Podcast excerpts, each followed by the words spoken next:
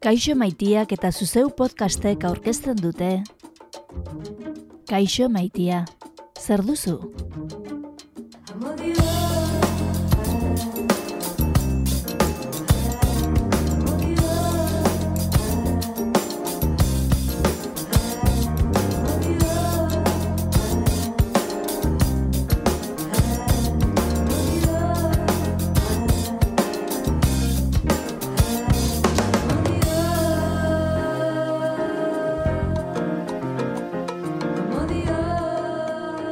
Ongi etorri entzule, Euskal Herritarron harreman afektibo eta sexualei buruzko podcastera.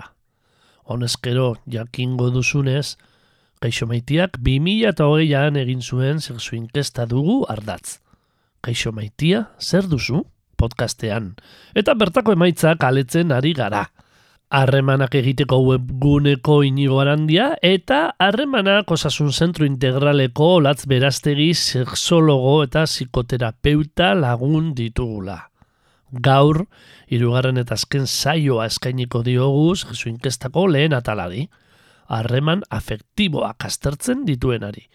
Eta datorren saiotik aurrera, internet bidezko harremanen txanda izango da.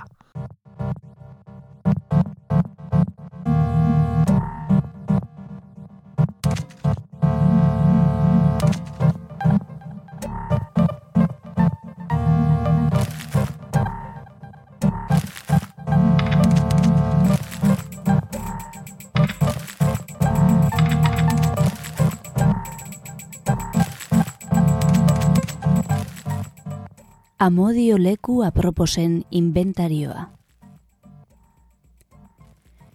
Gutxi dira. Udaberria kospea handia dauka, baina uda hobea da. Bai eta udazkenak, igandeekin gurutzatzean sortzen dituen arrakala horiek ere, berez platanoak bezain horiak diren hirietan. Neguak leku asko balio gabetzen du iparraldera ematen duten ate erroak, ibai bazterrak, jarleku publikoak. Eliza zarretako kanpoko orma bularrek utxarteak uzten dituzte batzuetan, elurra ari badu ere erabilgarriak. Baina desengaina gaitezen. Temperatura hotzek eta haize umelek dena nekezago bihurtzen dute ordenantzek gainera debekatua dute lastana, salbu eta atal epidermiko jakin batzuetan, inolako interesik gabeak, aur, txakur eta bestelako animalietan. Eta amaika begiradatan irakur daiteke, ezukitu, ohorea galtzeko arriskua. Nora iesegin orduan, non nahi begi ezkelak, kornea torturatuak, beginini erruki gabeak, begisare uzkurrak, zelatan, mesfidantzan mehatxuka. Bakarrik ibiltzea geratzen zaigu behar bada, harima samurtasunez ustu, eta asperduraz eta ezasolaz betetzea, garai etxai gorrotorako aproposonetan.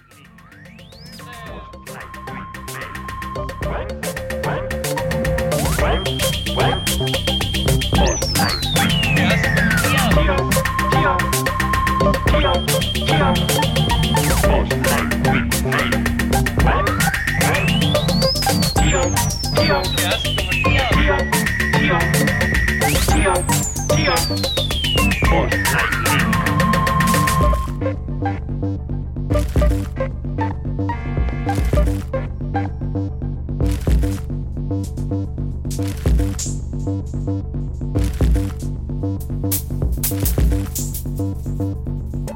Angel Gonzalezen amodio leku aproposen inventarioa entzun berri dugu.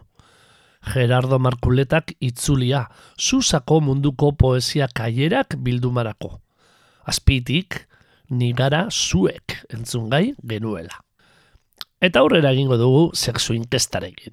Joan den asteko zaioa oso modu positiboan itxi eta gero, galdera arrunt batekin iriko dugu harreman afektiboi buruzko hirugarren eta azken zaioa. Zenbat denbora iraundu zure relaziorik luzeenak? Erantzuna aintzakotzat hartuta, Euskaldunen gehiengoak, kasikardiek, izan adute noiz bai tamar urte baino gehiagoko harremanen bat. Bueno, ez? Nik uste datu hori bat datorrela e, aurrekoan aipatutako datuekin, ez? E, bikote, bikote harremanak, jende asko bikote harremanean dago, eta noski bikoteak e, ditugu, eta saiatzen gara, ez? Hoiek iraun dezaten, orduan, nik esango nuke datua bat datorrela, inkestan beste datuekin, ziurrenik adina ala, ez? Adina gora ala, ba, nabarituko da harremana luzeagoak didela, beraz, bueno, pues, ez, isladatzen du beste datuekin bat datorrela, ez? Harremanean gaudenean, ba, saiatzen garela edo nahi dugu harreman horrek irautea. Heterosexualen artean eta bikote harreman itxian ematen ei dira erlaziorik luzeenak. Eta emaitzen artean ez dago kontu azpimarra garririk. Ez bada, datu bat gehitzearen, banandu eta dibortziatuen kasuan euneko larogeita bikoa dela, marrute baino gehiagoko harremana izan dutenen bataz bestekoa. Bai, bai, eta nik uste dut hori bai ikusten dugula, ez? E, hau da, banaketa gehienak amar urte ondoren edo ematen dira, ez dira harreman hasieran ematen, ez? Banaketak eta dibortzioak gehien bat, ez ikusten ditugunak egunero edo konsultan edo ez dakit, ez? Edo ezagunen artean horrela izaten dira, ez? Harreman luze bat edo hamar urte baino gehiagoko harreman batean eta batean, ba, ez dibortzioa edo iristen da. Nik hemen igual aipatuko nuke nada, bueno, justo zuk aipatu dezun datu horretan, dibortziatu edo banatuak euneko laro bi, ez kontua berriz euneko laro mar, ia, hor ja ikusten da, e, ba, leheno komentatzen zuna olatzek ez, irauteko eta badabola berez, berezko kultura bat e, gizartean, edo gizartearen parte dela ere irauteko harremanak e, sortzen diala, printzipioz. E, ez da olako beste referenterik, esaten zuen bezala olatzek.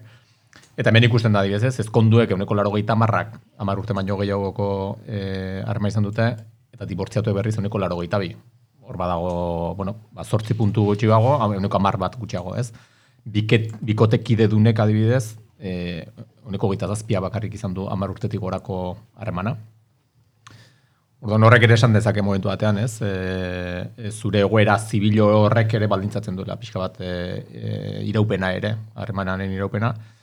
Eta gero badau beste, beste taula honetan, e, bat hogeita martaulan, e, joera sexualari dagokionez ere badaude diferentzia nabarmenak esan dezagun, bai? Osea, et, e, ben ikusten da, homosexualen horiko geita batak e, amarrute baino gehiagoko armana izan du bere armanik luzena, eta heterosexualen artean horiko berrogeita marra da, ia.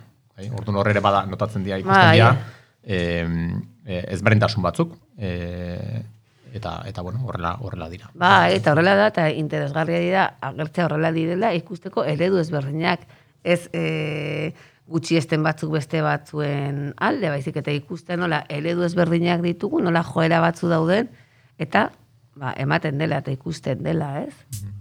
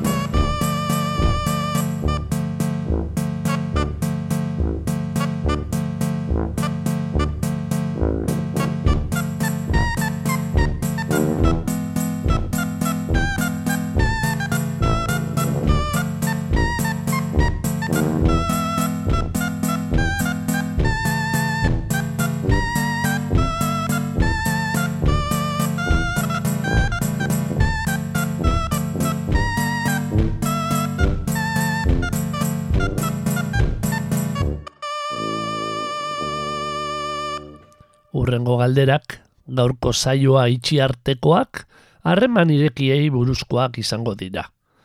Ez gara usartuko bogan daudela esaten, baina badira urte batzuk asko entzuten dela harreman irekien inguruan. Ea ba, harreman irekirik izan duzu inoiz? Galdetzen du urrengo sexu inkestak. Kasik euneko laro bostak ez ditu inoiz izan. Eta euneko ama bost pasatxok bai. Duela laburteko ikerketan, bost puntu handiagoa zen harreman irekiak zituztenen kopurua. Bostetik batek. Esan genuen, orkezpen saioan, sexu inkestaren lagina ere aldatu egin dela eta kaso horrek ere badu, badu bere eragina. Bai, e, aipatzen genduen aurrekoan, dola lagina, bueno, eh, lehenik eta ben, ben daude, lau mila eta berreun pertsonak erantzun diote galdera, hori importantea da, osea, kopuru aldetik eta e, eta hor bai aipatzen genduen aurrekoan laginari dagokionez, e, nola aurreko 2006koan e, hagen kopuruz gutxiago asko izan baz- baziren ere gutxiago dira konparazioz e, hauekiko, eta bazegon e, parte batean e, kaixo maitia puntuz bertako erabiltzaile e, askok ere e, erantzun zuten, eta nez eta datu hori zukaldatu, nik uste hor eragozgarria dela edo edo e, esan dezakegula horri lotua badagola, ez laginaren eta eta gero egiten dan lagin horren interpretazioaren inguruko e, diferentzia bat. Kasu askotan ikusten da, em, datuak alkatuak diala, 2006-arekiko. Batez ere, eh, aukera bat baino gehiago ematen duzen, dianen gehiago pertzepzio edo em, ustearen inguruko, eh, opinioen inguruko eh, galderak dianean praktikoki ordenata dena eh, mantentzen da portzentajeak. Gero beste batzutan ikusten da badaudela diferentzia txo batzuk, ez eta orokorrean datuak asko e, gerturatzen diren eta asko antz, antza handia duten aurrekiko batzutan notatzen dela diferentzia txo batzuk, bai? Eta nik uste hau horri horri horren inguruan e, ezatu daitekela. Erantzunetan aukera irekiak ematen direnean parekatzen dira gehien emaitzak. Esan daiteke, beraz, lehen gehiago baldintzatzen zuela erantzuna kaixo maitiako erabiltzaileak. Zukaldeko lan gehiago behar zela sexu inkestaren emaitzak plazaratzeko orduan. Bai, lagina azkenen e, horrelako inkesta bat zabaltzako garaian, e, nola zabaltzen duzun da nun zabaltzen duzun ere horrek badauka berezko e, bat. Eta gero jasotzen duzun informazio hori, inbarezu alik eta gehien ajustatu errealitatera. Ba, Horratzen diozu e, e, zure laginaren azpi lagin batzuk, eta ematen diozu pixu gehiago edo gutxiago, e, daukazun, dauzkatzun azpi lagin guzti horien arabera. Orduan hor badago sukaldeko lan bat, eta eta aurtengoan bueno, eh, hor aztikerrekin ere e, komentatzen zuen bezala, e, aurtengoa asko zezabalagoa, transversalagoa da, eta behar bada e, neutralagoa da. E, gizartearekiko pareki, eta, osea, parekoagoa da, e, aurtengo, aurtengo logia 2006koa baino. E, eta nik uste hor dago dela, hau, nola baita esaten dezakegu reala dagoa dela e, datu hau 2006koa baino. Bai. Mhm. Nik esango nuke, ez, agian anartzek esan duen hasieran egia da, gaurgon hitz egiten da. Ez? Eta eredu bezala hor dago. Esan nahi dut, e, testu inguru bakoitzak, gizarte bakoitzak, hobesten ditu edo ikusten ditu harreman batzuk e, hobeagoak. Eta hori nik uste dut, ez dela lagungarri ez batean ez bestea, baina ikusi behar dugu nundi gatozen, ez? Eredu motati datozen, bikotea, bikote itxea, bati pertsona berdinarekin. Orduan, orain badago joera bat, ez? ba, balorian jartzea harreman irekiak, ez, hobeagoak izango balira bezala, eta bueno, harreman irekita hitz egiten da, eta komentatzen da, baina nik uste dut porcentaia badatorrela bat segurazki praktikatzen dutenekin, ez? Gero ez, zan nahi dut, e, teorikoki interesgarria da eredu berriak agertzea, baina baita ere emozionalki ikusi behar dugu nola, nola ikasten dugun harreman hoietan egoten, ez? Eta hor badago bidea egiteko. Gogoratu mentzule, Euskaldunen kasik euneko larogeita bostak ez du sekula harreman irekirik izan. Eta euneko amabost inguruk bai, izan ditu harreman irekiak. Azken talde honetakoak, gehien gehienak, hogeita mar urtetik beherakoak dira sexu inkestaren arabera. nik uste dut badago, lot, ni behintzat ikusten dut, ez, badago lotuta moment, bizitzako momentu bati, esperimentazioari, esperimentatzeko gogoa dituzu, ez duzu zure burua ikusten mapatean, ez? Edo, agian, a, eredu hori harreman bat betirako, edo, ez? Estu egia edo sentitzen dugu, ez? Ze orain, egia da, e, no, ze gizarte motan gauden, ez? Gauza berria probatu behar ditugu, e, dena e, usaitu behar dugu, bidaiatu hau, bestea, hau da, iku, ikusten dugu aukera, milaka aukera ditugula, ez? Orduan ez dugu ezer galdu nahi. Eta nik uste harremanena ere badagola lotuta, ez? Horrekin, adintarte horrekin. Orduan, logika bat badauka, ze momentuan dagoen eta ze beharrak dituzun, ez? Bai, eta gero ikusten da adibidez, egoera zibilari lotuta, ezkonduek eta dibortziatu eta banatuek gutxiago izan dituztela e, bikotarremanak, biket, bikotek eta bikotek gabek egun bikotek gabeak dienak baino. Zai dut. Momentu batean, ezkonduak edo ezkondua egoteak egoera zibil horrek ere nolabait baldintzatu dula e, inoiz bik, e, harreman irikiak e, izatearekin. Bai, claro. Badaukala zer ikusia e, bizitza estilo batekin, edo e, ez ezkontzeko erabakia edo autua hartzeak momentu batean ere izan dezake, e, alde batetik harremana izan dezake neko zuzena adinarekin, bai? eta bestetik izan dezake ere autu bat hartzearekin, eta ez, eta ez e, ofiziala estamentala dan e, egoera zibil bat hartzearekin agian, ez? Bai, eta nik igual hor lotuta baita ere, agian, tokatzen zaizunarekin bizitzen ez dakit, ez? Hogeita hamabost urte balima dituzu agian, eta bikotekiderik ez daukazu, aukera bezala baloratu dezakezu hori, ez? Ba, eta agian bikotekidea balima daukazu, ez berden ikusten duzu, hau da, badago ere, nik uste dut lotuta ze tokatzen ari zaizun bizitzen, nola ikusi dezakezun bizitza, ez? Bizitzan, segun eta nun kokatzen zaituen, ikuspuntu bat eduki dezakezu edo, ez? ez? Historia guzti honena. Orduan, Bai, adin, aldagai hori ere izan daiteke. adinak, familiarik duzun ala ez, aldagai askok baldintza dezak erantzuna. Ze momentuan bizitzan ez dakit, ez? Ez da berdin adibidez, lanpo, la- askotan gertatzen den bezala ekonomiarekin, segun nun zauden, gauza batzuk ikusiko dituzu alde batera edo bestela, ez? Edo hainbat erabaki hartzen direnak, ba, nola, no- nun gauden kolokatutak eramaten gaituen ikuspuntu bat edukitzea. Ez horren inguruan. Plastic.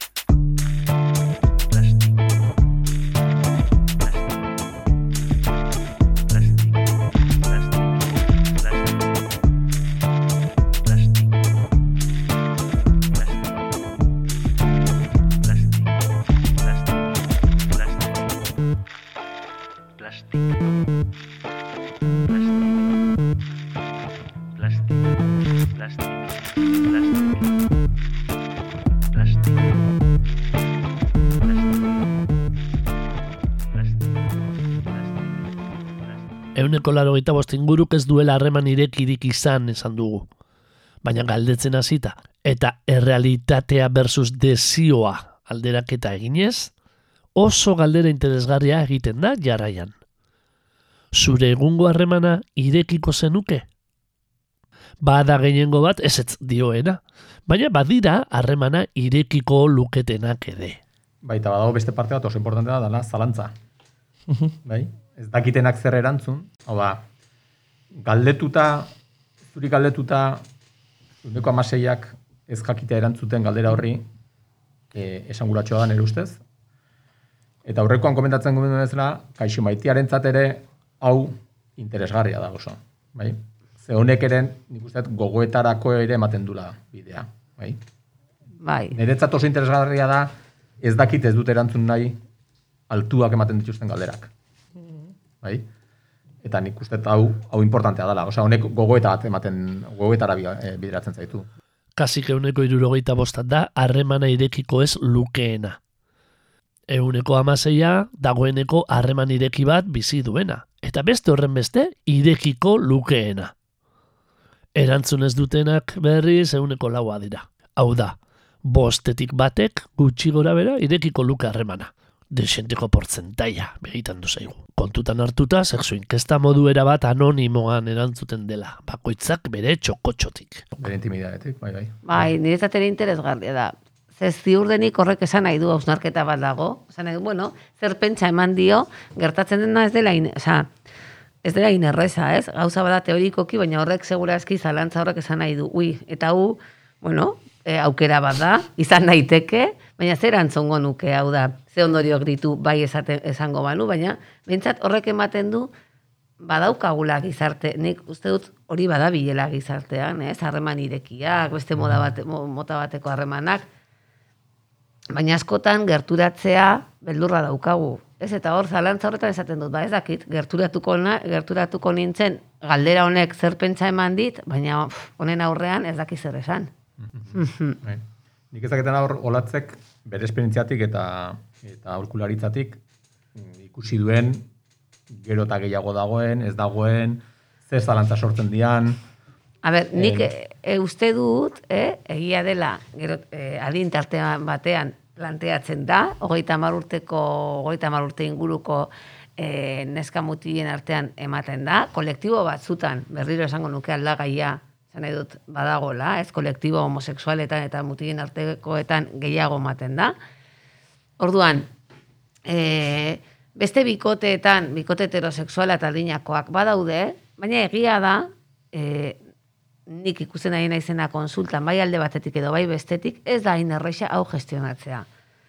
E, kolektibo ezberdinetan, eh? ez da erresa. Naiz eta eman, zaila izaten da, ze bueno, pues, e, emozionalki harremanak, e, sexuak asko mugitzen gaitu. Ez da hain erresa hori guztia eramatea, pentsatzea zude bikotekidea, ba, intimitate batean dagola bestearekin, eta horrek ze suposatzen duen, orduan, teorikoki badira desiragarriak edo nahiko genuke pentsatzen dugulako eskubidea daukagula, eh, noski ez ulertzen dugu, baina gero emozionalki ez da inerresa, ez? Eta hor nik eh, ikusi ditut ba, modu asko, ez? Modu oso askean, baina aldiz kontrolpean ze elkarri kontatzen zioten dena eta ni ui. Ez, hain askeak eta zer dela eta behar dugu hainbeste, ez? Bestearena jakitea eta hori Badaudela modu batzuk askotan esaten duzula, askatasun bat eskatzen dugu, baina aldi berean gero jokabidean markatzen ari gara, ez? Edo markaje badaukagu edo orduan badaukagu hor ez, e, lantzeko espazio bat, ez? Nik uste dut, ni ere ados nago, dut, bat dela askatasuna, baina askatasunean badagoela ere kolektibotasuna eta bestea, eta orduan ikasi behar dugula bestearekin egoten. Eta gauzak gestionatzen mina eman gabe, ez? Baina bai ikusten da bai, badaudela, baina zaitasunak daudela, eh, gestionatzeko garaian. Beste aldagai bat ere interesgarri izan daitekena hemen, da e, familia seme alabak, e, horre ere sartzen da beste aldagai bat nik uste oso importantea dana, hori izan daitekena.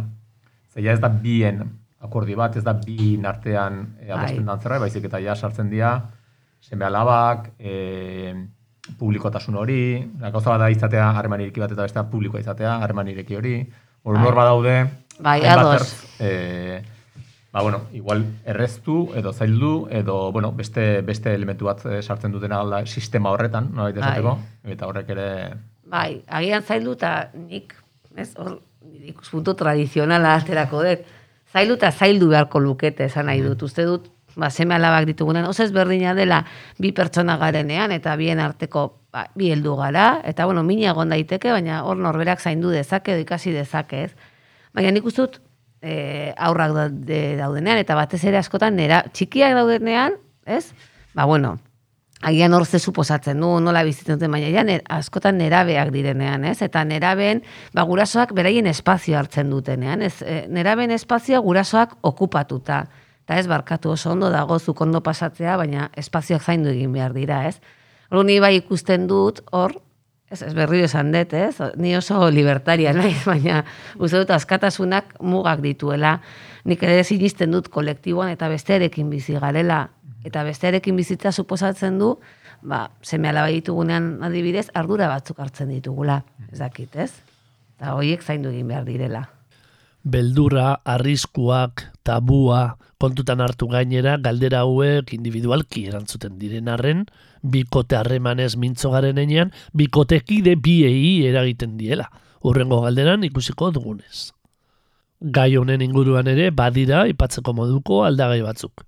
Euneko amaseiak harreman irekia zuela dirazi dugu, eta adintarteari dagokionean hogeita urtetik beherakoak direla batez ere guzti honi datu bat gehitzeko, esan gizonezkoak direla harreman irekien nahiaren gandik gertuen daudenak. Bai, ala da, eta nik, noski, ni, nire lagina, nik esaten dena, nik hitz egiten du nire dakidana, nire, nire konsulta, nire lankiden konsulta, eta egia da, oikoago dela, hau, ez, e, ikustea gizonengan, ez?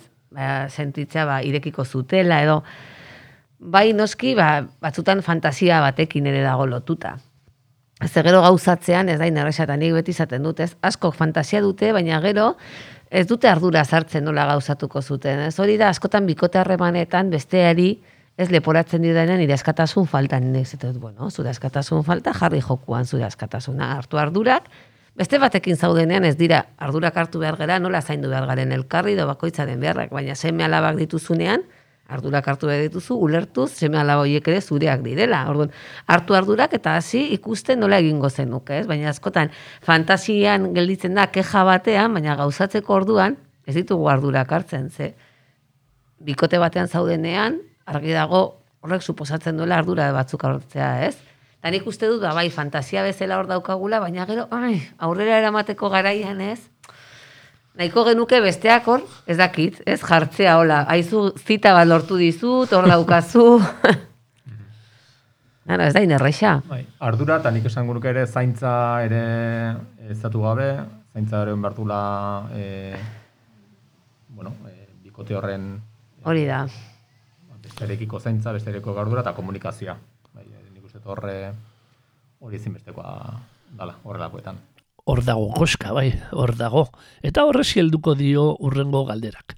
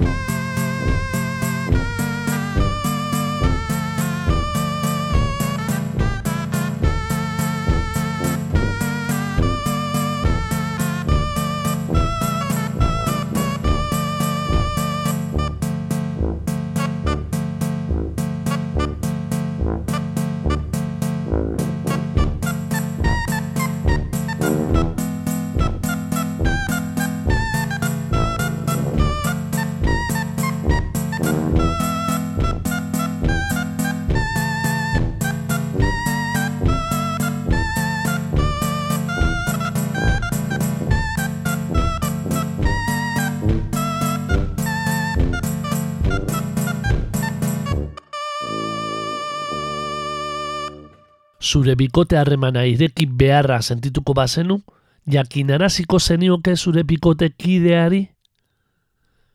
Gehiengo batek, euneko irurogeita zeiak, baietz dio. Esango liokeela bikote kideari. Eta euneko geita batak ezetz. Hemen ere, gainera, bada erantzunik eman nahi izan ez duenen euneko altu xamar bat. Euneko amarra. Bueno, hor, eh, euneko irurogeita zeia, oda, bieren e, baiezko esango nuke, gaiantzekoak, e, praktikoki gaiantzeko esaten dute nolabait, ez ez. Ez ez. Bai, e, zalantza, olako galdera bati, zalantzakin eratzen duten diona, nik uste gehiago dala ez ezkoa, Bai. baiezkoa baino. E, gero beste batzuk erantzuten dute ja, jadanik irikia dala, beraz, baina gutxiengo bada. E, beste batzuk esaten dute, uneko zazpiak ia esaten dute ez lioketela esango, eta beste batzuk ez badakitela ez lukela ulertuko. Uneko ama bostak. Bai? E, hau da, eren batek, gutxi gora bera eren batek esaten du mm, beharra sentitu ezkero, heliokela esango. Bai? Bai. Horrek ez du esan nahi, e, beste harrema bat izango lukenik, baina bai behar izan ezkero esango ez liokenik. Ez? Eta, eta bueno, horrek badago ere, komunikazioarekin, e, zer ikusia daukan, e, eta beharrekin, eta norbaren beharrekin, eta ardurarekin, eta zaintzarekin, eta guztionekin e, zer ikusia daukan e, gai bat, ez? Nik, Bai, nik uste dut hori, bai. e, komunikazioa zaintza, esan nahi dut, ez ez esaten dugunean, ba, askotan, e, bikote harrimanean ez, ne, ne ustez interesgarria da irekierarena planteatzen denean, ez, inigo esan duena, aldez aurretik gauza asko planteatu behar dira, askotan bikotea garenean ez dituguna planteatzen, ez? Nola nahi dugu elkarrekin egon, nola nahi dugu zainduak izan, eta hori, ba, ondo sustraituta baldima dago, agian irekitasun horretaz ez da ez da hitz egin gerta daiteken zerbait da, eman daiteken, badakigulako zer daukagun elkarrekin. Nik uste etengabe ez, e, hori agertzen denean eta ez dugu kontatu edo, bueno, beldur asko ditugulako, ze Bos, ez dugu hitz egin, askotan pentsatzen dugu maitasuna nahikoa dela, elkartu ginen, e, gustukoa ginen, elkar maite diogu, baina inoiz ez dugu hitz egin bakoitzaren beharretaz. Eta orduan, orain, toma, harremana irekiela hitz egingo dugu banola. Ez dugu hitz egin eta aurreko pausuaz, ez? Nik espero duzuna eta zuk espero duzuna. Orduan, ba, bueno, bai, klabea hori da, ez, askotan. Ta horren, ez niok esango nik uste hor dagoela, ez? Bai. Beldurra daukagu, esan nahi dut, ez da berdina zure bikotekidea, oporreta joatea lagun batekin, edo harreman sexualak edukitzea, eta esango genuke nolako gizartea gara ba, alakoa gea. Mhm. Eta horrek balore badauka, eta ez dugu berdin bizitzen. Ez berdin bizi beharko genuke, ba ez dakit. Baina gauza da horrela dela, eta ez dugula, ba, garrantzi badutela guretzat, ez? Eh, Harreman sexualak. Suposatzen dugu, eta olatzi, galdetuko diogu, bikote arazoetan komunikazioa edo komunikazio eza izango direla funtzesko gako. Ba, eso klabea da. Eta harreman sexualak ere klabea dira, esan nahi dut. Eh, harreman sexuala dauden bikotetan, bueno, dago, filin hori dago modu bat komunikatze egiteko. Eta askotan gutxiesten ditugu, ez? Horregatik esatu zergatik ematen diogu balore bat. Horrek baduelako balore bat harremanean. Eta horretaz ez da hitz egiten. Ere nola eraiki behar ditugun, zer diren eretzat harreman sexuala atxeginak, zuk zer nahi duzun. Baina hori funtzionatzen duenean, bikote batek espazio intimo hori daukak hobeto komunikatzeko. Eta bueno, ba, komunikazioa badator, ez, lotuta guzti horrekin. Noski baietz, ez? Plastik.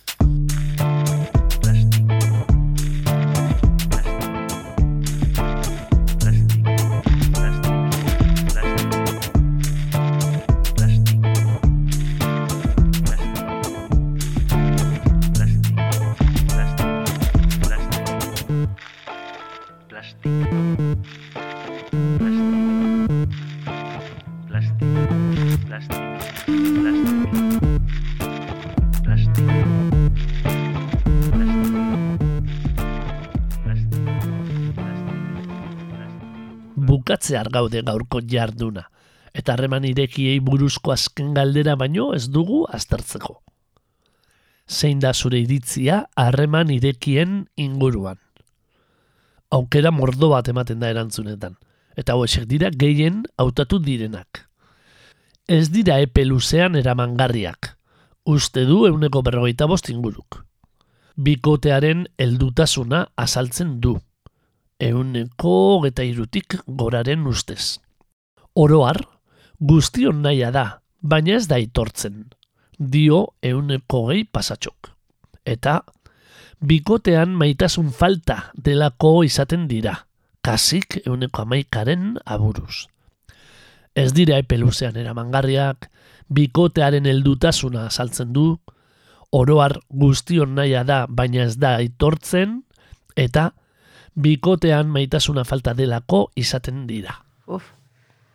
Bueno, nik uste dut, a ber, ez? Edu aukera bat da, e, aukera bat irekitzen diguna perspektiba eta modu ezberdinak daudela pentsatzeko eta ez?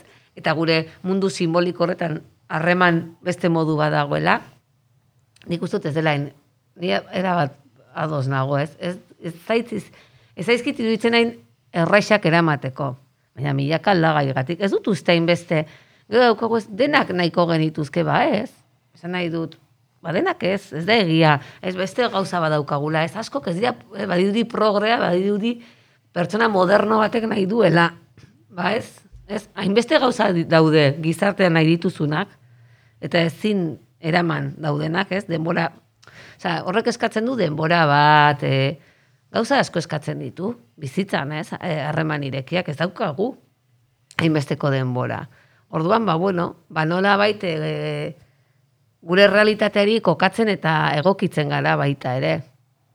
Baina nik uste dut hori, badaudela, aukera dagoela, baina ados nago, eramateko zaila dela denbora, komunikazioa, bestearekin gestioa, emozionalki, ez da inerreixa, ez? Sexualitate, bestearen sexualitate sentitzea besteak, ba, placer espazio, intimitate espazio beste pertsona batekin daukala, hau da. Eta batzuk ez daukate ez da gogoa hori ikasteko, esan nahi dut. Agian nahiago duzu, ba, beste zerbaitetan inbertitu denbora ez dakit, ez? Nahiko nuke, ja, baina prestaude horrek suposatzen duena egitea, ba, igual ez, ez dut begira. denbora hori beste gauza batutara dedikatuko diot. Eta galdera hau zan, galdera hau da, galderatako bat, non leheno komentatzen nun, zehantzeko, erantzun zehantzeko tasuna zeukaten, bai ordenean eta bai portzentaiatan aurreko 2006ko ikerketarekin. Eta hemen ikusten maitezu datuak eske ja kalka, kalkatzen dira. E, erantzun, erantzunen portzentajeak eta ordena praktikoki kalkatzen da, ez? Eta eta horrek ematen digu ere nolabait e, e, ba, metodologia eta eta ikerketaren kalidadearen e, e, indikatzaile bat ere bada guretzat, ez? Entzuleak ideia orokor bat egin dezan, orain arte aipatu ez ditugun gainontzeko aukera guztiak ere aipatuko ditugu. Harreman irekietan bikoteak zoriontzuagoak dira. Ez dira moralki onargarriak. Gizonezkoen naia da nagusiki. Gazten kontuak dira horiek. Eta emakumeen naia da nagusiki.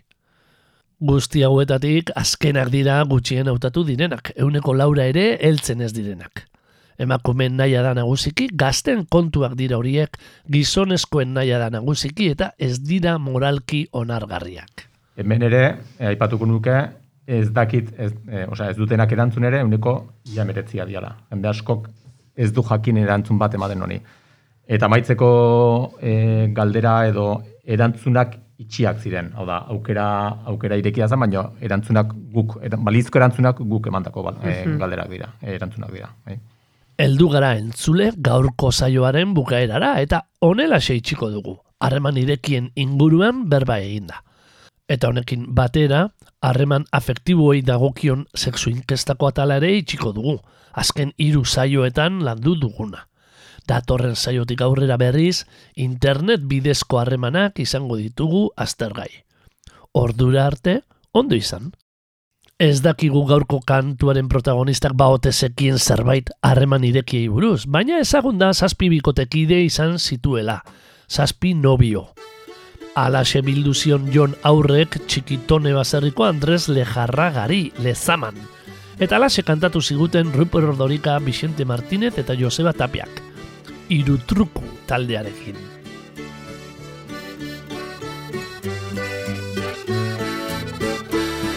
Lehengo nobioa, Jose Eusokoa, Zeukixen bierko zun neure esposoa. Bigarren nobioa, Sala Eusebio, Egunian peseta bi deukoz diario.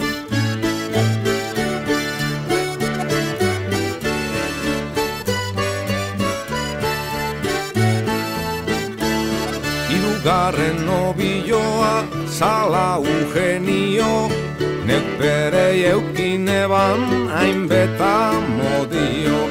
Laugarren nobioa salaku berue Mutil galanta baina bekoki pardue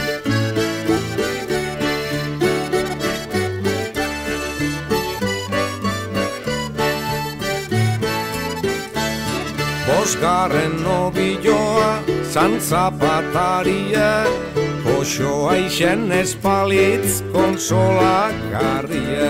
Seigarren nobioa ustakio eulia. Prakasarriño zentek koite du pobria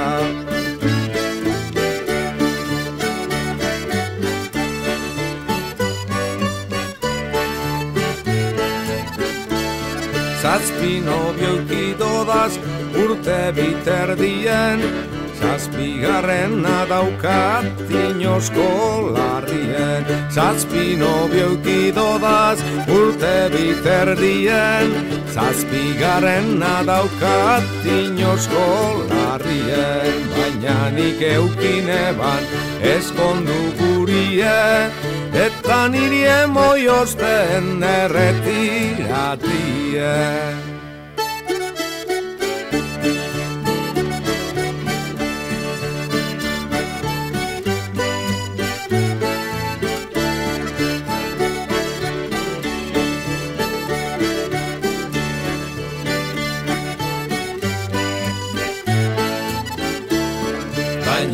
Baina nik eukine ban eskondu gurie, eta nire moiozten derretiradie.